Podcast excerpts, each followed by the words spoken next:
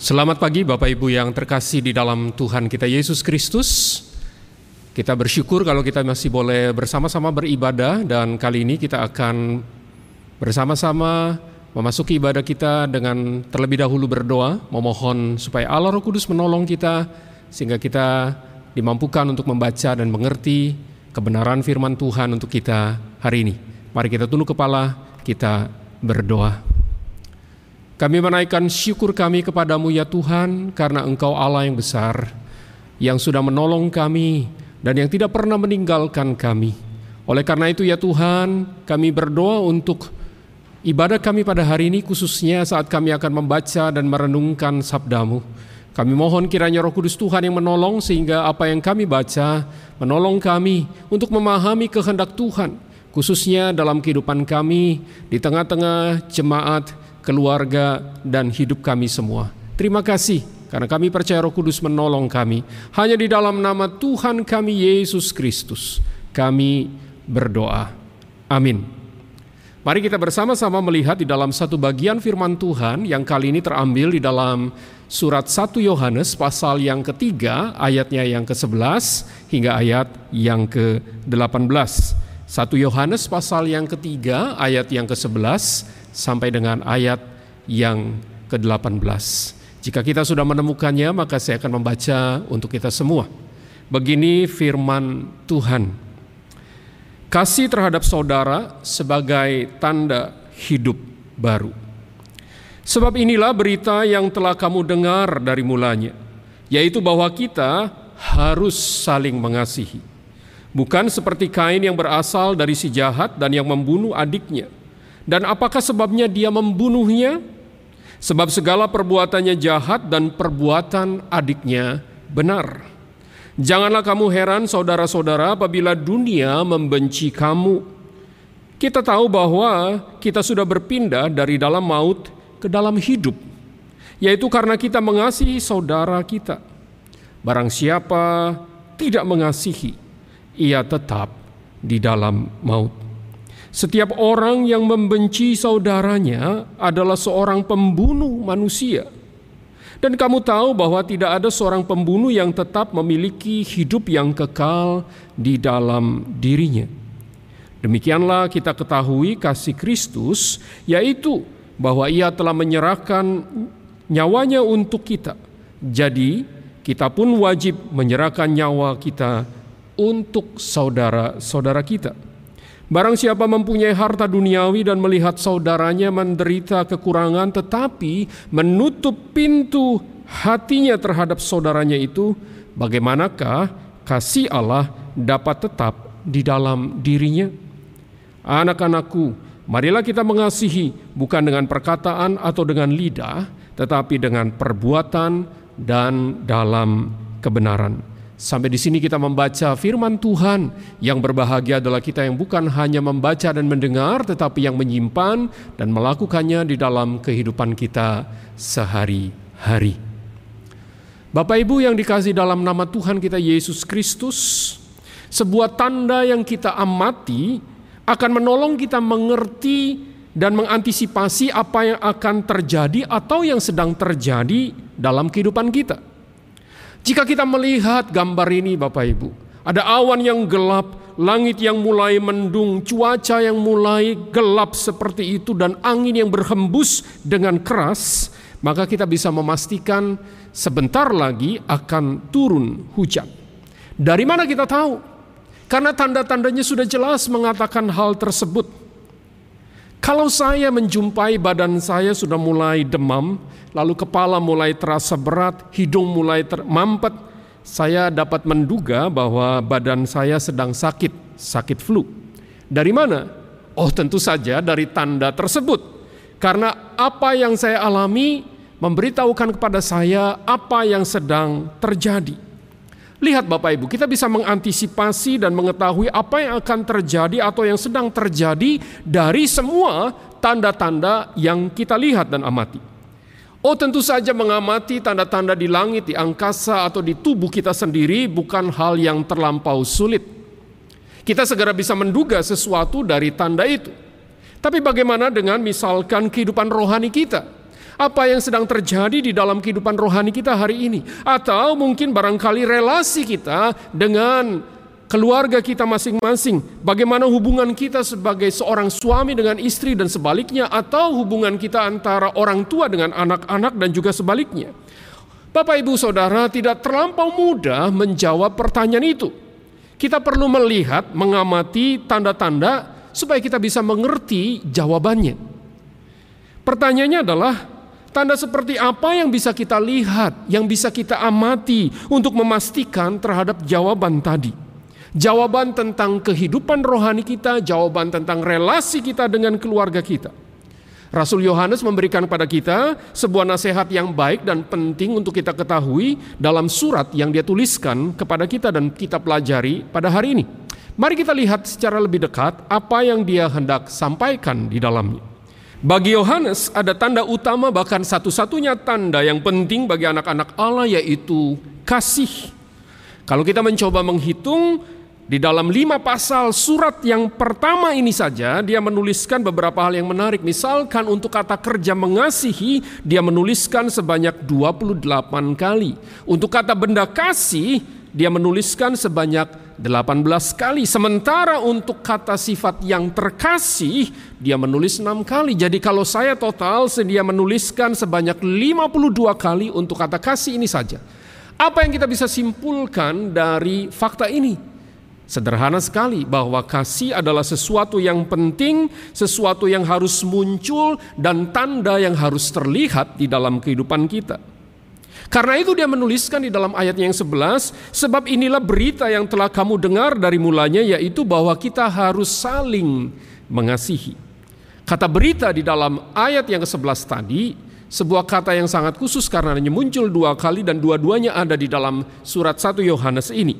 Yang pertama di dalam pasal 1 ayat yang kelima dan yang kedua di dalam bagian ini yaitu pasal 3 ayat yang ke-11.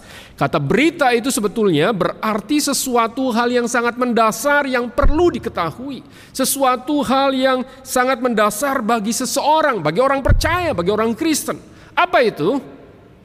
Kita harus saling mengasihi.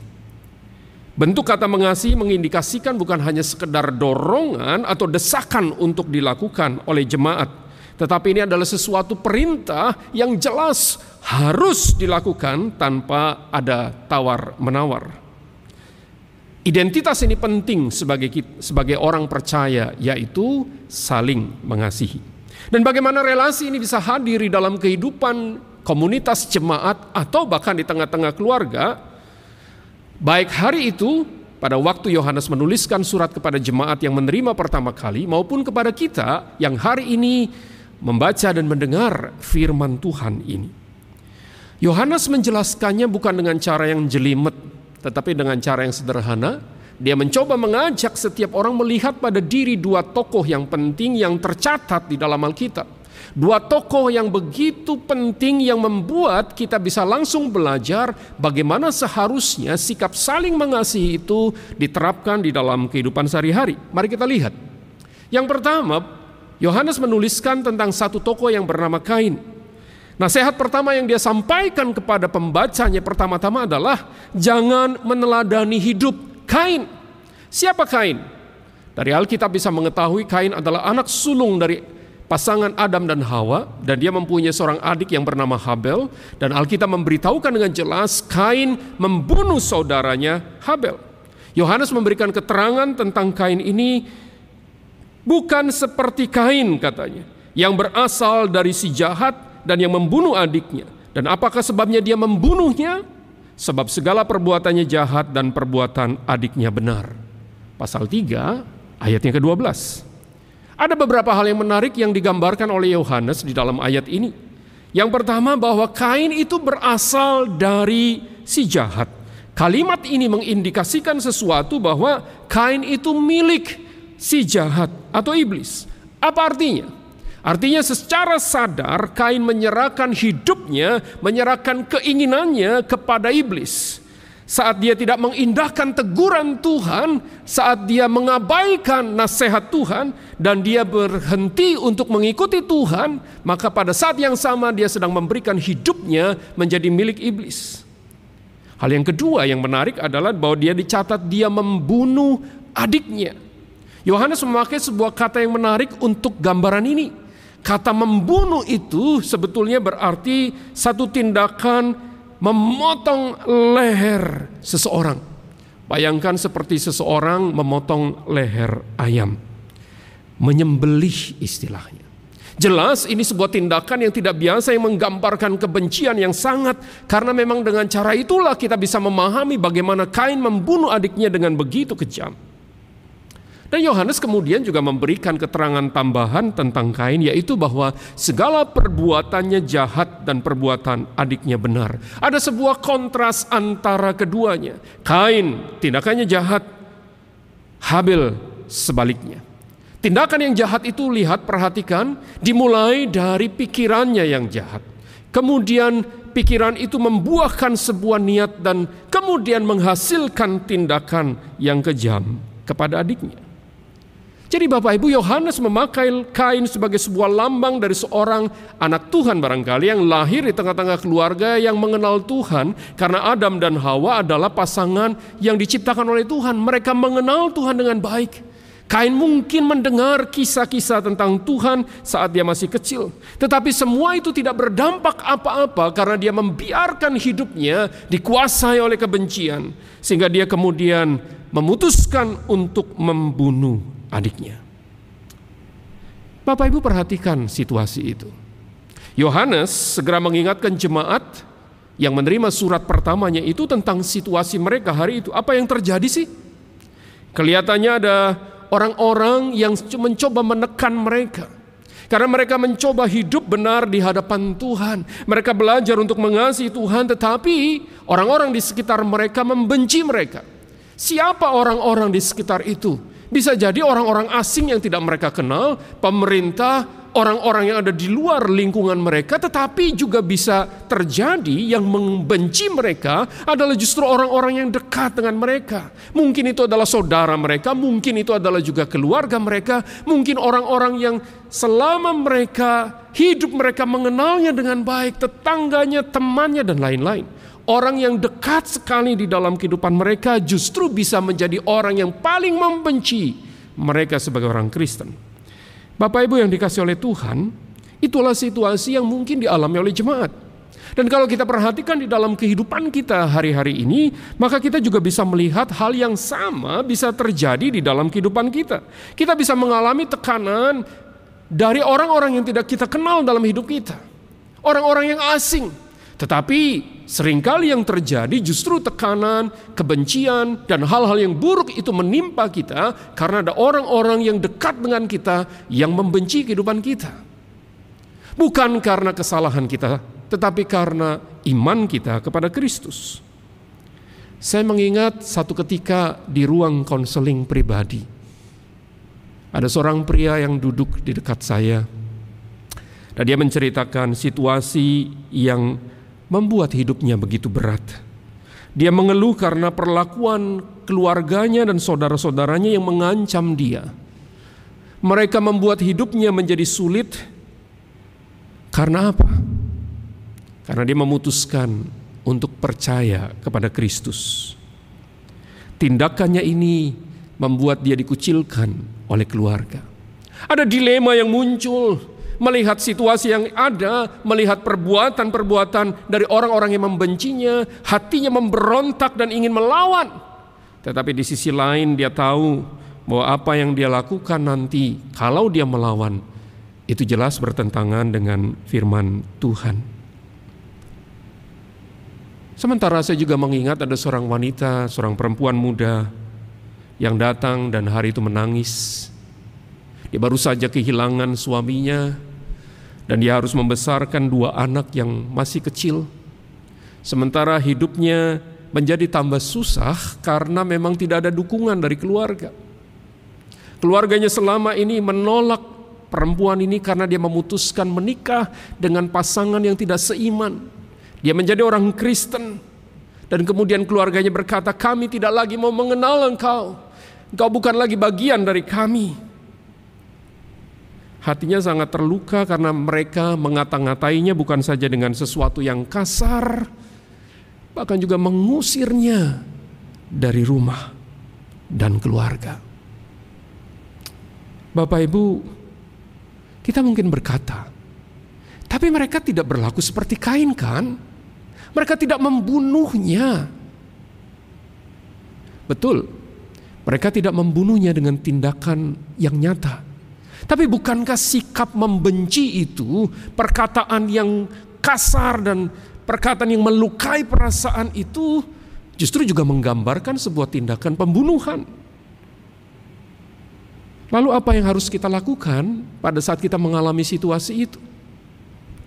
Apa yang harus kita kerjakan pada saat kita mengalami hidup yang seperti itu?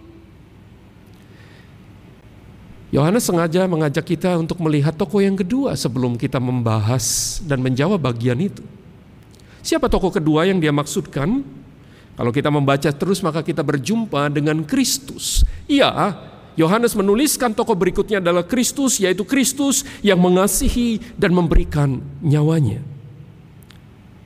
Kita membaca dalam ayat yang ke-16 berkata, demikianlah kita ketahui kasih Kristus bahwa ia telah menyerahkan nyawanya untuk kita. Jadi kita pun wajib menyerahkan nyawa kita untuk saudara-saudara kita.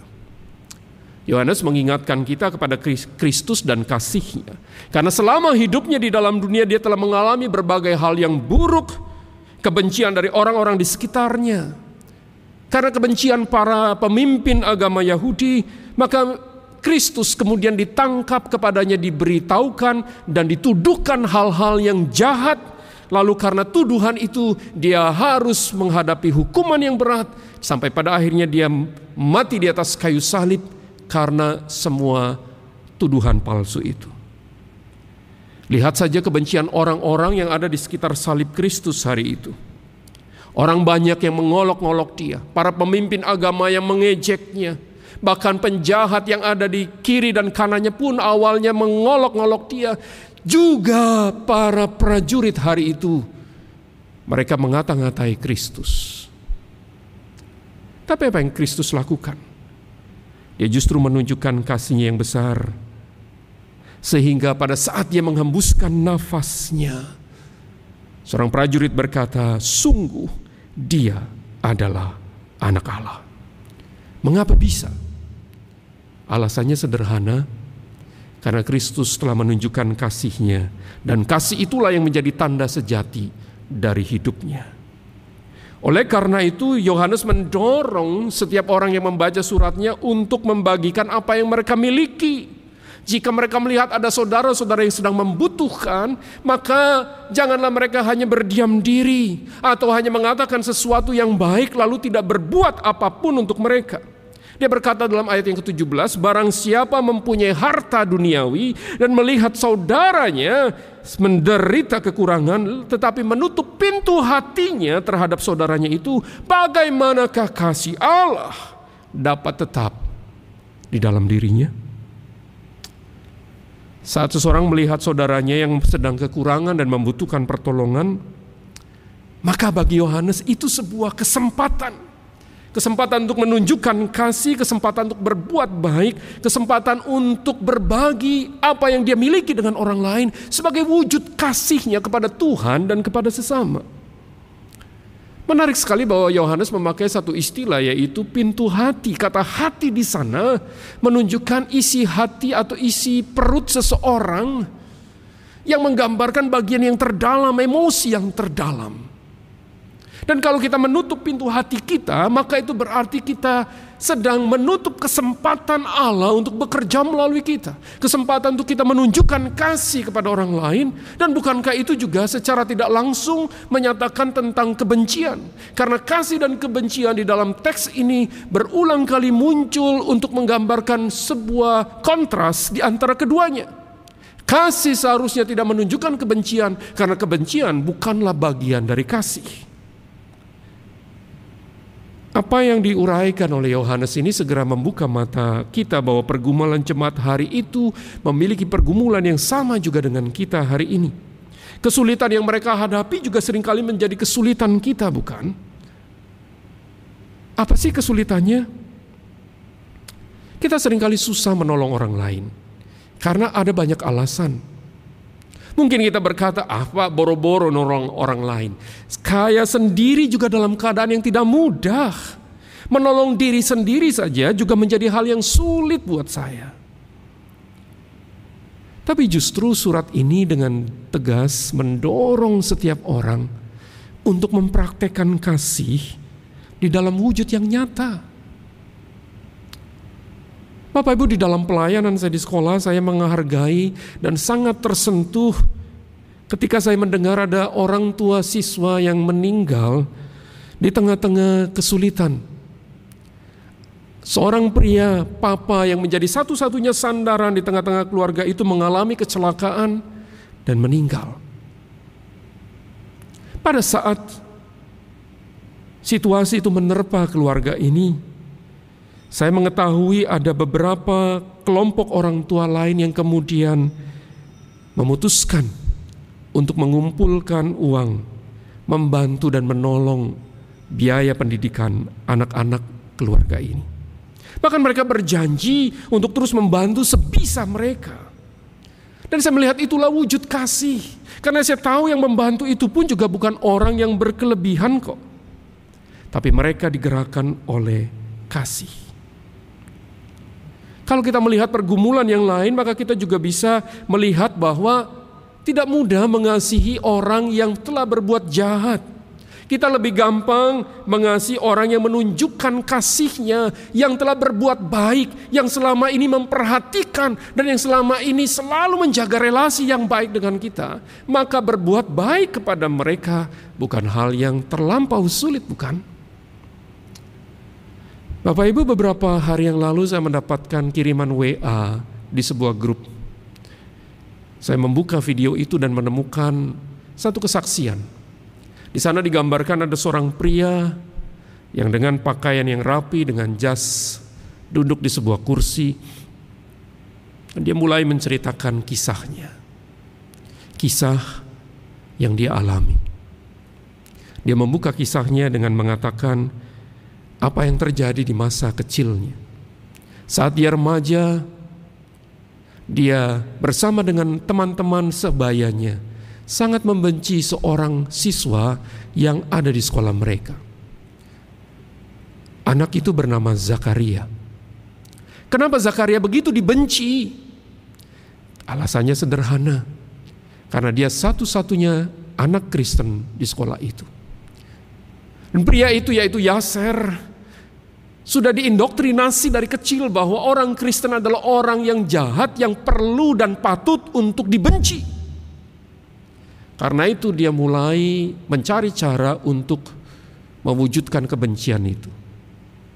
Akhirnya dia bersama teman-temannya sepakat mereka akan memukuli Zakaria satu malam.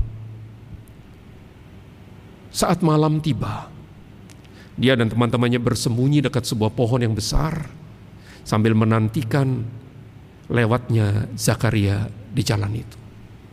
Jalan itu begitu sunyi, tidak ada orang lain. Tidak berapa lama mereka melihat ada seorang berjalan dan mereka memastikan itulah sasaran mereka. Maka dengan segera mereka mengepung anak itu, kemudian menangkapnya, memukulinya berulang-ulang. Jelas saja Zakaria teriak, dia minta ampun, dia berkata, "Jangan sakiti saya, tolong saya." Semakin dia berteriak, semakin mereka memukulinya tanpa henti dan begitu kejam. Sampai-sampai Yaser kemudian berkata, aku ingin membunuhnya hari itu. Keinginan itu begitu kuat. Mereka mematahkan bukan saja kedua tangannya dan kakinya. Dan bahkan memukulinya hingga babak belur. Sampai mereka berpikir, karena dia sudah tidak bergerak. Mereka pikir anak ini sudah mati. Lalu bergegas pergi meninggalkan supaya tidak diketahui oleh siapa pun. Bertahun-tahun kemudian, Yaser tumbuh besar. Dia menjadi seorang yang makin membenci orang-orang Kristen. Satu ketika ada peristiwa dalam hidupnya yang sangat menggoncangkan hatinya. Sepupunya sakit keras.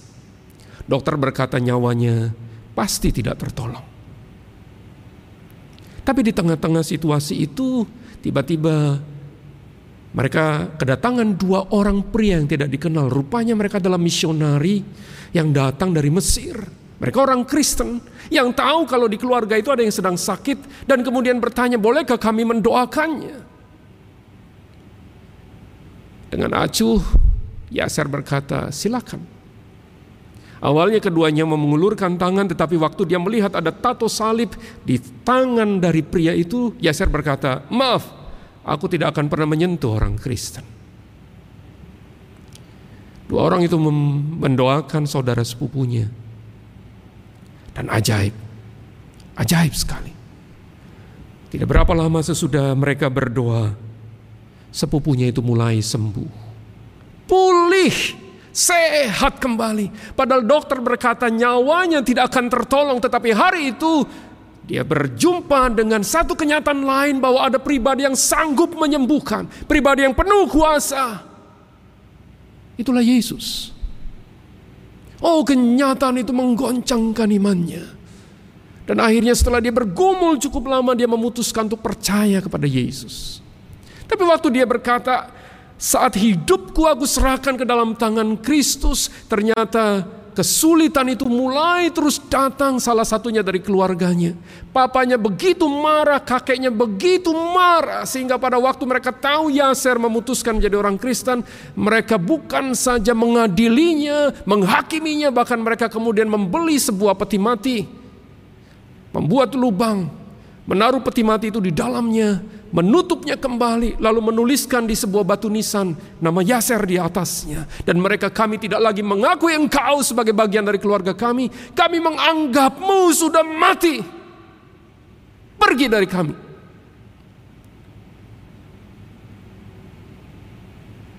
Yaser pergi dari keluarga itu.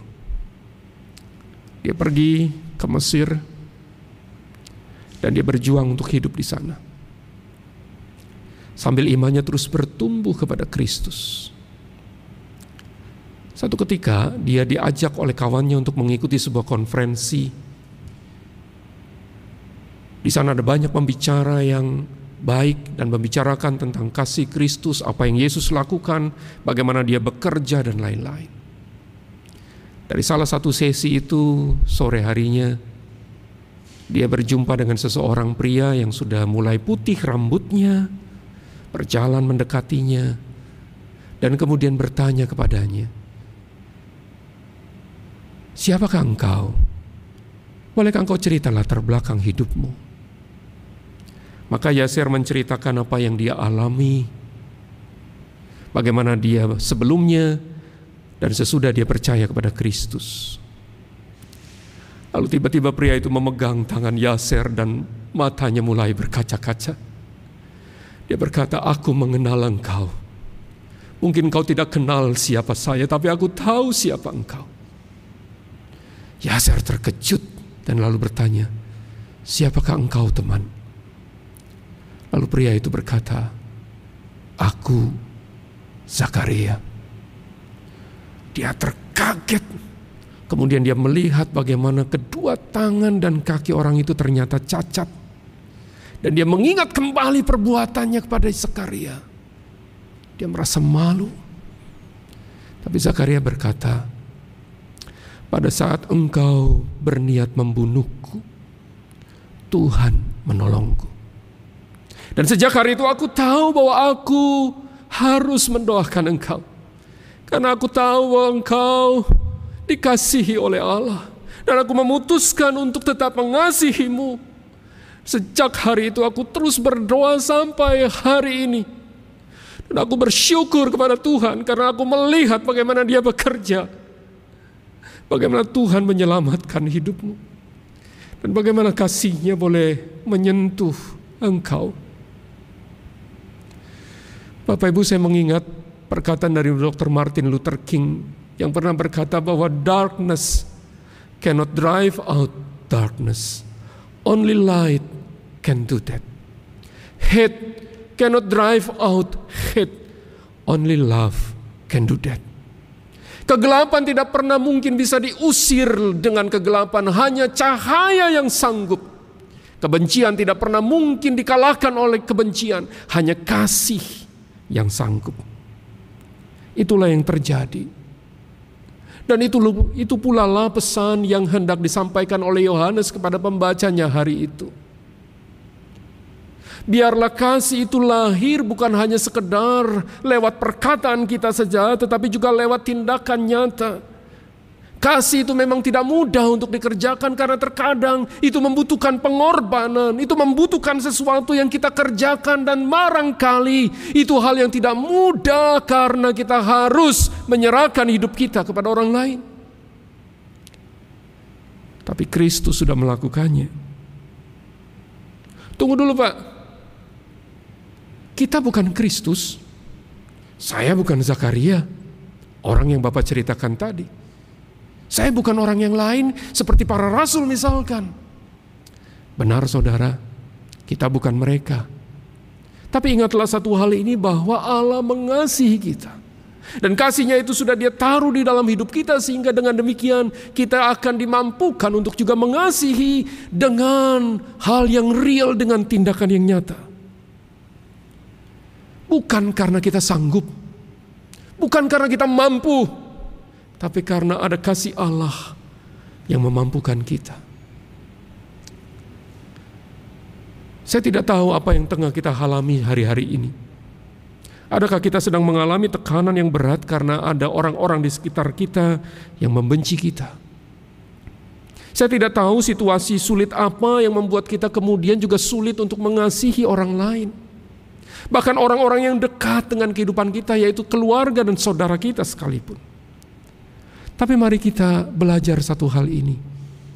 Kita mengakui bahwa kita lemah, kita mengakui bahwa kita tidak mampu, tetapi hanya dengan pertolongan Tuhan. Iya, hanya pertolongannya yang memampukan engkau dan saya. Karena itu pesan yang penting yang menjadi pesan firman Tuhan untuk kita pada pagi ini adalah bahwa tanda sejati seorang Kristen adalah dengan mengasihi saudaranya, bukan membencinya.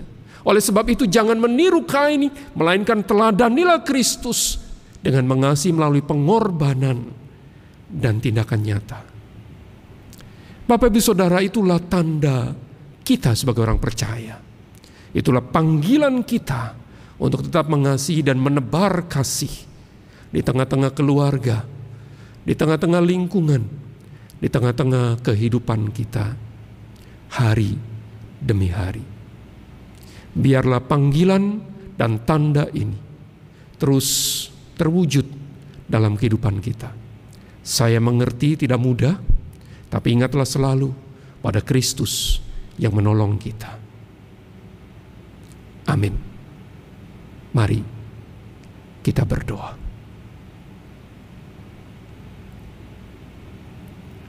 Bapak Ibu saya berikan waktu tenang bagi kita untuk merenungkan apa yang kita telah dengar dan kita pelajari. Lalu ambillah sebuah komitmen di dalam hati kita untuk kita boleh terus belajar menebar kasih bagi orang-orang yang ada di sekitar kita.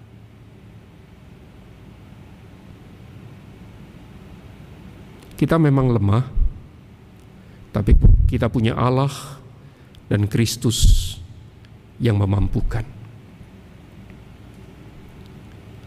Mari kita berdoa.